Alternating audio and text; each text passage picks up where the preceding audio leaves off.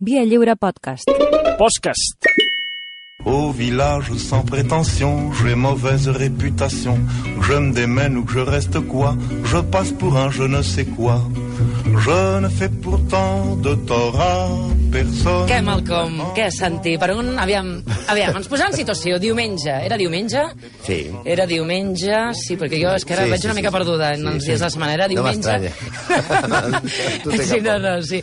Ah, era diumenge que al vespre se sabia de la mort de Kobe Bryant amb un accident, i altres set persones amb un accident d'helicòpter. A partir d'aquí, doncs, es lloa la figura de Kobe Bryant, la pèrdua que suposa això pel món de l'esport, pel seu llegat, per la seva manera de jugar, per l'impacte que ha tingut a l'NBA, per, etc. pel xoc que és que mori ell a més mor amb la seva filla de 13 anys que anaven a Sí. l'helicòpter també i altres set persones que també anaven en dos d'elles també eren, eren nenes que d'aquí també les hem passat allò per sobre I, i altres persones però bueno, aquí només importa que s'ha mort Kobe Bryant i la seva filla no? Mm. i aleshores comença un adulcorament i, i això que fa la- l'admiració a l'ídol i nosaltres estem aquí per desmuntar aquestes coses. Però, de fet, nosaltres no volíem fer un execrable de Kobe Bryant, us ho prometem, eh? No, però sí, hem, hem pensat en Beethoven aquesta setmana, hem pensat en Chopin, sí, també. Sí, sí, sí, no, no, eren Però- altres. I volíem fer una petita menció a, a, a Kobe Bryant, però clar, ens han provocat.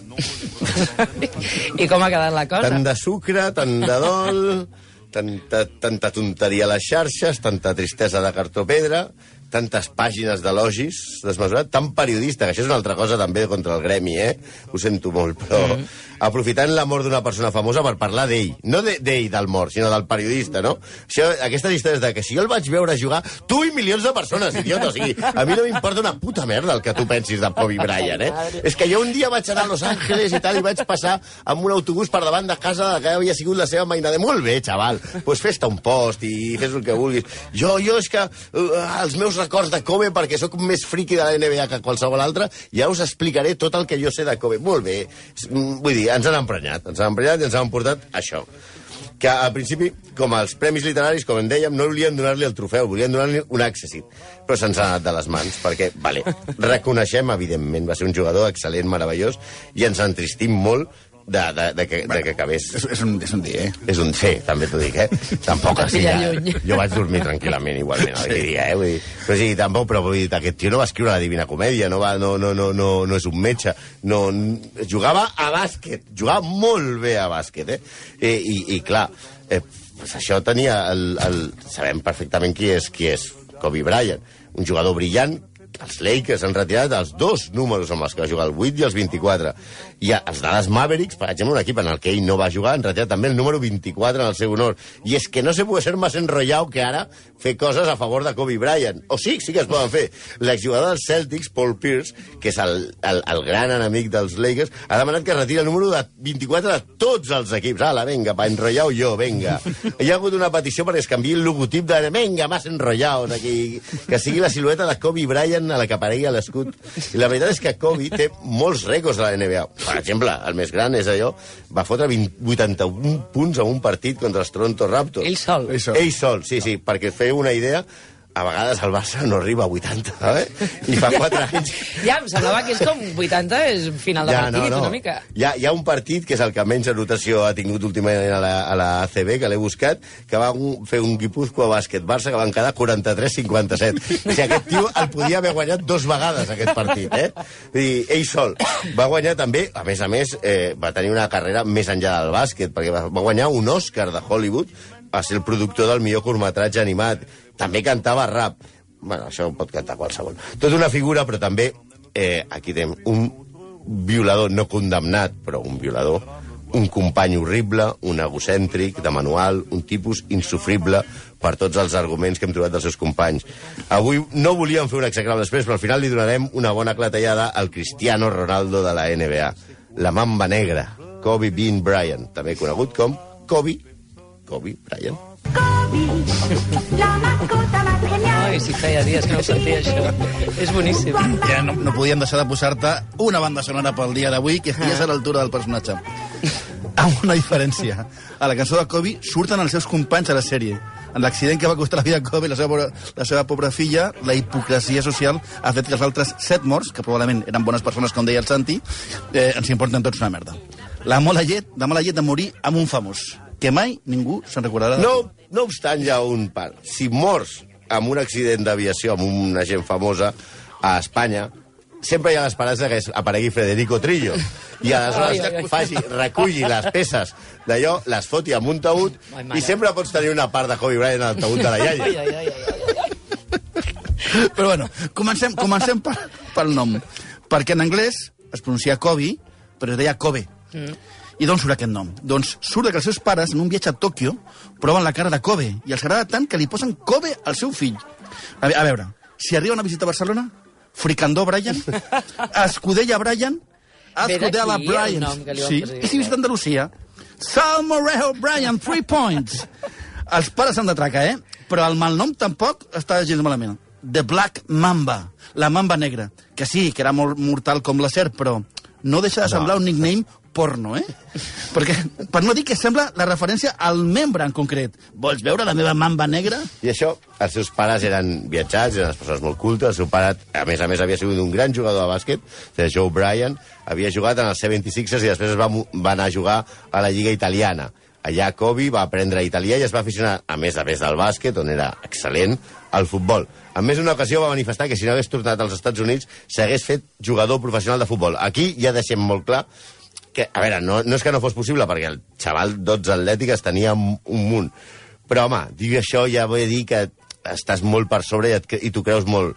Això denota seriosament que ets una miqueta cregut. És com quan Valentino Rossi estava convençut que podia guanyar el Mundial de Fórmula 1 en Ferrari i no va acabar una volta, que Fernando Alonso va dir el, el de Carlo Gano i al final la culpa sempre és dels mecànicos, Michael Jordan es va posar a jugar a béisbol i així li va anar, o Bartomeu va voler ser president del Barça, també en aquests moments. En fi, es va fer fan del Milan i del Barça. Especialment molt fan de Ronaldinho i de Van Rijkaard, la nostra mamba negra d'aquí.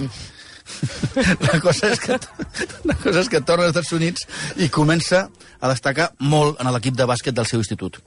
Es fa dels millors jugadors i és seleccionat per jugar a la, al McDonald's All-American, que és un partit Aquest és el que tu hauries de jugar. No, sí? sí, perquè la veritat... Perquè quan- fotre... No, però quan un s'imagina el, el, el, El reconstituint el- el- després de... el cheeseburger. El cheeseburger. No, però si dius, oi, què, què, què estàs jugant? No, estic jugant a la McDonald's All-American. T'imagines una competició de menjar, però amb participants que semblin Homer Simpson, no? Sí, a l'època que estava a l'institut ja el tio era un crac, es va convertir en un ídol, però tot i així no tenia masses amics. Era més aviat misàntrop. Què volem dir per misàntrop per la gent de l'ESO que no sap què vol dir, eh? A- Em perdona tu, que vas fer el primer Ai, curs de Ai, ai, l'ESO. ai, ja ho ha tret. Ja ho Va inaugurar no, l'ESO. no es pot dir res. Un misàntrop és com el Toni Garcia, però així en, king, en versió king size, eh? Va arribar a la NBA. Gràcies. I tot i això el van agafar els Hornets. I va ser traspassat a, a canvi de Blight Divac a, a Los Angeles Lakers, on jugaria tota la seva carrera, i amb els quals va guanyar cinc cops el campionat. Ja el primer any, a més a més, va guanyar el concurs d'esmaixades a la NBA. El tio era un crac. Baby, soy el mejor. Haciendo el amor. Baby, soy el mejor. Segona banda sonora del dia, però saltem ja al moment en què ell ja és una estrella, que és molt bo, que és el mejor, perquè ell és el, El millor, ell és el millor, però és un imbècil integral, aquesta és la veritat. Fins i tot hi ha jugadors que no volen ser traspassats als Lakers per no coincidir amb la Mamba Negra. Ah, sí? Sí, era molt competitiu, Mamba mentali, Mamba mentality li deia, que és a dir, pensar en la Mamba. I a més, tenia un bon concepte de si mateix. Al programa televisiu Late Night Show de James Corden li, va demanar, li van demanar que ordenés els millors jugadors de, de tots els temps. El primer, jo, és a dir, ell. Després, Michael perquè Jordan. no. jo no, jo no. Els Ai, temps, ai, no. ai, I en tercer lloc, LeBron James. O sigui, es- ell va posar, es va posar per sobre de Michael Jordan. És curiós, perquè segons el periodista especialista en bàsquet, mm, Javier J.R. Rodríguez, deia, ell sempre ha estat una còpia, bona, molt bona, de Michael Jordan. Mai hi haurà un no Brian, perquè ell ja és, ja és un clon de Jordan. I des de molt jove, alguns companys van reconèixer sentir vergonya aliena davant de la col·lecció de gestos, moviments i expressions robades que Kobe Bryant exhibia sense cap tipus de dimulació, dissimulació. És a dir, aquesta cosa de treure la llengua que feia Kobe Bryant l'havia copiat de Jordan. Era, era una mica... Un... I, i a més s'aprovava. Ell, ell al principi és veritat que era un tipus molt, molt cretí i després ara direu, ostres, però si tots parlen molt bé d'ell és que també al final de la seva carrera es va donar compte que per arribar a, a, a triomfar has de repartir una miqueta i va canviar molt la seva manera de ser. Ah, està Això, bé, al final, bé. és veritat, s'ha de reconèixer. Però parlant d'ego i de competitivitat, en una entrevista, el seu company Lou Williams explicava que Kobe, ja en declivi, de, els Lakers van tenir una època bastant dolenta, fins i tot amb, amb Kobe i el seu equip, una derrota bastant humiliant davant els Blazers, va dir als seus companys a partir d'ara, cada vegada que tinguem la pilota, me la passeu. Veuran el que és jugar contra Kobe Bean fucking Bryant. A veure, no està mal, perquè si tu ets el millor, és més o menys el que fa Messi, però sense dir-ho. És a dir, tots tenen molt clar que li han de donar la, pelota, ser la diferència. pilota a fucking Messi. Quiero llevar este canto amigo a quien lo pudiera desear. Una mica de Aquesta sí sucre. que no me la trauré del cap, per favor. No, hi ha una mica de sucre, ja sé que ara sembla el programa del Genís Cinca, perquè estem tot molt... Però, eh, després d'aquest atac d'hiperglucèmia, seguim. Eh, Smash Parker, que era un base que no va arribar a triomfar perquè va jugar als Lakers, va dir que jugar als Lakers és una experiència sobrevalorada. Però no per l'equip en si, sinó per jugar amb Kobe Bryant. La gent pensa que jugar amb ell és el millor i no és veritat. Tots els problemes començaven i acabaven en ell. Cal, cal dir de, de Smash que de Smash Kobe havia dit és el pitjor jugador amb el qual he jugat. Aquest Ni tan sols hauria d'haver entrat a l'NBA. Parker va comentar que va voler parlar amb ell, de parlar el problema, i la resposta de Kobe va ser no tens nivell per parlar amb mi. Un encant, Kobe. Què dius? Sí, era una mica xuleta. Quan li van va dir al típic, molt, els, doncs, els eh? companys li van dir hòstia, Kobe, com et passes? Ell va dir prefereixo ser recordat com a guanyador que com a bon company. Molt bé, xaval. Estupendo, tu. Bueno, eh, per això us diem que és una mica el Cristiano Ronaldo de la NBA. Mm. Però és que, després hi veurem més qüestions que el relacionen amb Cristiano Ronaldo. Però és que es deixava deixava anar perles sense parar. Fins i tot amb Pau Gasol, que després van acabar sent molt amics i fins i tot Pau va estar destrossat pel, per la mort de Kobe, va dir Com tota la humanitat. Clar, eh, va dir, Pau Gasol hauria de posar-se els pantalons d'home si vol jugar en els Lakers. Uh. És estrany que digui això, perquè jo que he vist, tots els partits de bàsquet, tots van amb pantalons. perquè no, no sé si heu arribat... És que la meva ment, malalta, m'ha arribat a imaginar un partit de bàsquet només amb samarretes. No. Això seria molt asquerós. Bueno, no sé, de, igual molt guai, no sé. Dwight Howard va abandonar l'equip per la seva mala relació. És que jo m'imagino tot allò, cosa. jo penjant Massa i tal. No, no, no. Si t'imagineu el, el top-down. O sigui, hi ha el topless i el, un partit de bàsquet top-down. Com fort que fas l'helicòpter. Ah, no, això no. No, no sé. No sé com es diria. Em pregunta... Bueno, anem a Dwight Howard, que va abandonar els Lakers per la seva mala relació amb Kobe Bryant. Ens he preguntat, va dir, m'importa una merda Howard. Quan parlem de problemes al vestidor del Barça, caldria pensar en aquest tipus. El Barça és un equip d'ossos amorosos comparat al que era el vestidor dels Lakers. Però és que a ell no li agradaven els amics. No era... Estàs pensant en un partit de bàsquet sense pantalons, eh? No, Golosín. No, el que passa és que a ell no li agradaven els amics. No era Roberto Carlos, però em refereixo al cantant, no, no al futbolista. Que al futbolista el que li agradava molt era moure la mamba, eh? Que va tenir vuit criatures de set dones. De fet, el mateix, eh, ell mateix, Kobe, va reconèixer que he fet, he fet plorar alguns jugadors. Però si puc fer-te plorar, realment, no vull jugar amb tu als playoffs. Tan sensible. Sí, no, no, ell anava per, per, per, per ho seu. Després va rectificar, eh, també, com ho diem. Eh? Ell mateix va reconèixer que havia estat un cretí als Lakers, justificant-se en jo mai he estat la persona més pacient del món. I va dir, també, obre occita, soc un cretí, i ho deia ell d'ell mateix, eh? no ho diem nosaltres. Soc un cretí i hi ha dues maneres de canviar això. La primera és deixar de ser-ho. La segona és perseverar i la gent s'acostumarà. La gent simplement es va acostumar al fet de que jo sigui un cretí. I després pensaven, ok, aquesta és simplement la seva manera de ser. És el típic amic aquest raro que tens que dius, hòstia, què ha fet aquest? No, però ja Ah, sap, ja- ja, ja- allò, ja saps com ja, és. ja saps com és. Ja Ja, saps, ja sap. sí. I ves per on, aquí on est, és on estem molt d'acord amb ell. Però més que un cretí, ets un capullo. capítol, capítol a part és la seva relació amb el gran Shaquille O'Neal. Mai millor dit. Mai millor dit. La, la, la seva relació va ser sempre molt tensa perquè Kobe no suportava ser el segon. En la seva autobiografia, O'Neal diu van pactar no tornar a atacar-nos en públic. Però hores després, Kobe va considerar una entrevista a Jim Gray, li va dir que estava gras i fora de forma. Igual era veritat, també t'ho I que, estava, I que estava exagerant una lesió al dit gros d'un peu, que no era tan greu com semblava. Bueno, va ser la, la maleïda lesió que va acabar amb la meva carrera. S'ha de tenir en compte que el dit gros del peu de Shaquille O'Neal té el tamany d'una furgoneta mitjana, d'aquestes que ara no poden trucar per Barcelona. De fet, Shaquille O'Neal o no, o no, no entraria per les rondes. Eh?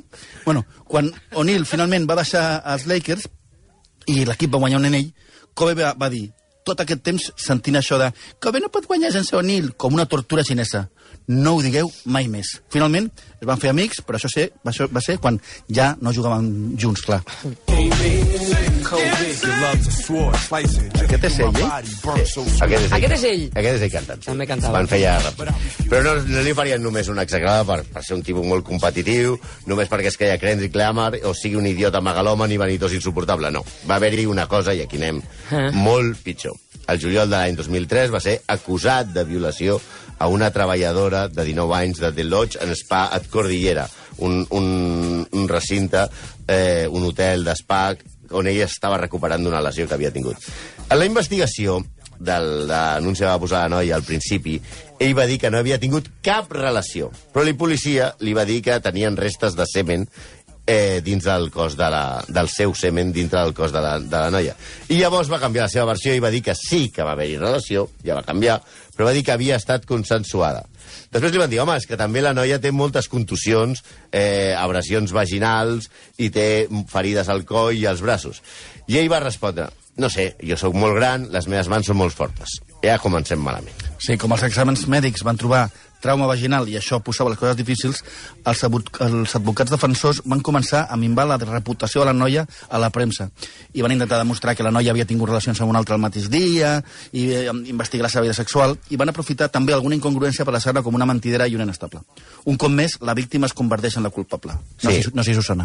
Sí, sí, sí. Això no, ha passat. No seria nou. Sí, a més a més, si posem en compte que la noia tenia 19 anys i era recepcionista d'un hotel i ell era una superestrella de la NBA i que tenia milions per enterrar en advocats a la seva rival, la qüestió es feia molt difícil perquè, a més a més, eh, van exposar la vida sexual d'aquesta recepcionista de 19 anys, repeteixo, Ja.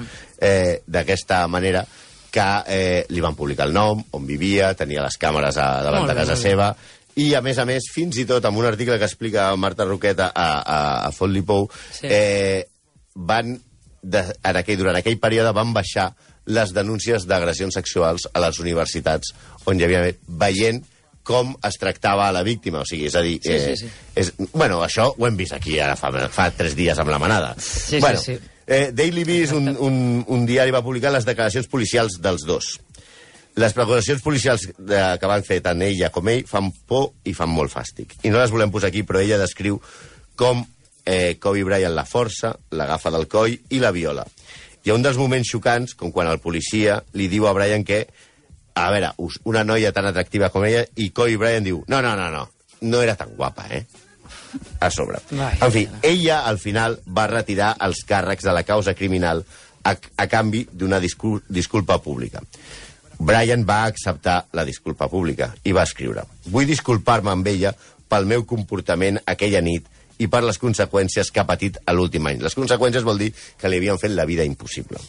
I ara reconec que ella no ho va veure així i no veu aquest incident de la mateixa manera que jo. Vaja, després de mesos de revisar les investigacions, escoltar el seu advocat i fins i tot el seu testimoni en persona, ara entenc la manera en què ella es sent i que no va donar el seu consentiment a aquesta trobada. Eh, Uda, no és no. Vull dir, tio, Sí, queda sí. con Cayetana. En principi, Ai, mare. En principi, de, de, després d'això, es passava eh, el cas al, al, al jutjat del criminal al civil. Però, abans del judici, que aquí sí que es podia ser arribar a un acord amb el civil, van arribar a un acord econòmic de 2,5 milions de dòlars. No està mal. Aquesta, perquè, a més, amenaçaven a la, a la, a la, a la, Víctima. a la víctima de que el judici seria molt car i que no el podria pagar. Aquestes van ser les úniques, aquests 2,5 milions de, de dòlars van ser les úniques conseqüències per Brian. També va perdre, per només uns mesos, els contractes de publicitat de McDonald's i Nutella. Per cert, la dieta d'un esportista. Bueno, també va perdre 4 milions de dòlars, que són, a més a més, que són el pedrusco que li va haver de comprar a la seva dona perquè no se divorciés d'ell. Ah, perquè tot això estava casat. Sí, sí. Sí, bueno, després, Però ara, ara, ara ha quedat com a l'exemple de la família catòlica amb un parant. I ja era, aquesta, la, ja era la, la dona actual, Sí, la sí, que ha Sí, quedat la, vídua. la, la, dona, la, dona, la, la vídua Sí. la va conèixer quan la, la vídua tenia 17 anys. O sigui, és la nòvia tota la vida. No.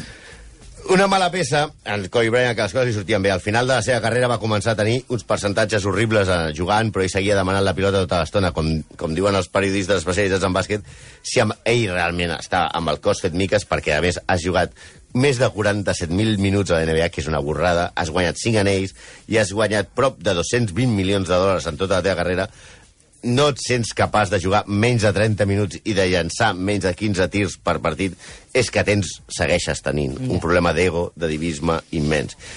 I és que fins i tot el divisme l'ha segui- l'ha perseguit arran de la seva mort, eh, com es va veure amb la tonteria general que ha passat un cop a mort. És a dir, fins i tot eh, quan va morir eh, una periodista del Washington Post, Felicia Somnes, va posar un tuit en el qual recordava, simplement deia, escolti, vostès estan, estan fent el mateix que fèiem nosaltres aquí, eh? De dir, tot això està molt bé, una gran persona, va canviar, tot, que, un grandíssim jugador de bàsquet, però eh, recordem que va tenir una condemna per violació. La direcció del Washington Post la va expedientar, li va retirar el sou i la va començar un expedient per, per, per acomiadar-la. Menys mal que finalment 300 companys de la redacció van signar un manifest i van dir que aquesta dona no se la toqués i la van tornar a readmetre amb la, amb la seva quantitat de sou normal. Això aquesta setmana? Aquesta Sí, setmana. aquesta setmana, sí, sí. Mare. Sí, sí, bé. Déu-n'hi-do. Ah, les coses, com dius, li sortien bé fins que va voler volar en helicòpter un dia de boira.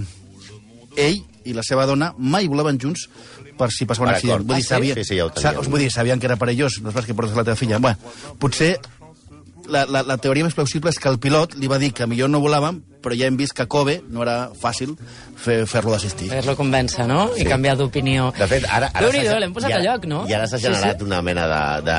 Ara vindrà la segona part, que és les denúncies que hi hauran, que són milionàries, de la família del pilot, perquè consideraran que Kobe Bryant el va... Aquí, aquí això és el liarà Ah, molt sí? més. Sí? I a part, hem vist que hi ha una administració de loteria que ens ha passat la- l'Arnau, Què? que eh, ja venen el número de la, de la suerte i de la muerte amb la no, data de de la la mort muerte. I de la, i de la mort de la data del mort de Kobe Ah, Bryant. sí? Sí, sí, la té i la fotografia es pot penjar a les xarxes socials per veure que la tonteria de la gent segueix intacta. Bé, som així, som així, som així, és la condició humana, però està molt bé que agafem la perxa d'actualitat també per fer un exagrables, de veritat. Que vagi molt bé amb el Comotero Santi Jiménez. Eh, ja, partits de bàsquet amb pantalons, sisplau. Sí, sempre. Traiem-nos la imatge Sempre. aquesta. Sempre. Que vagi bé.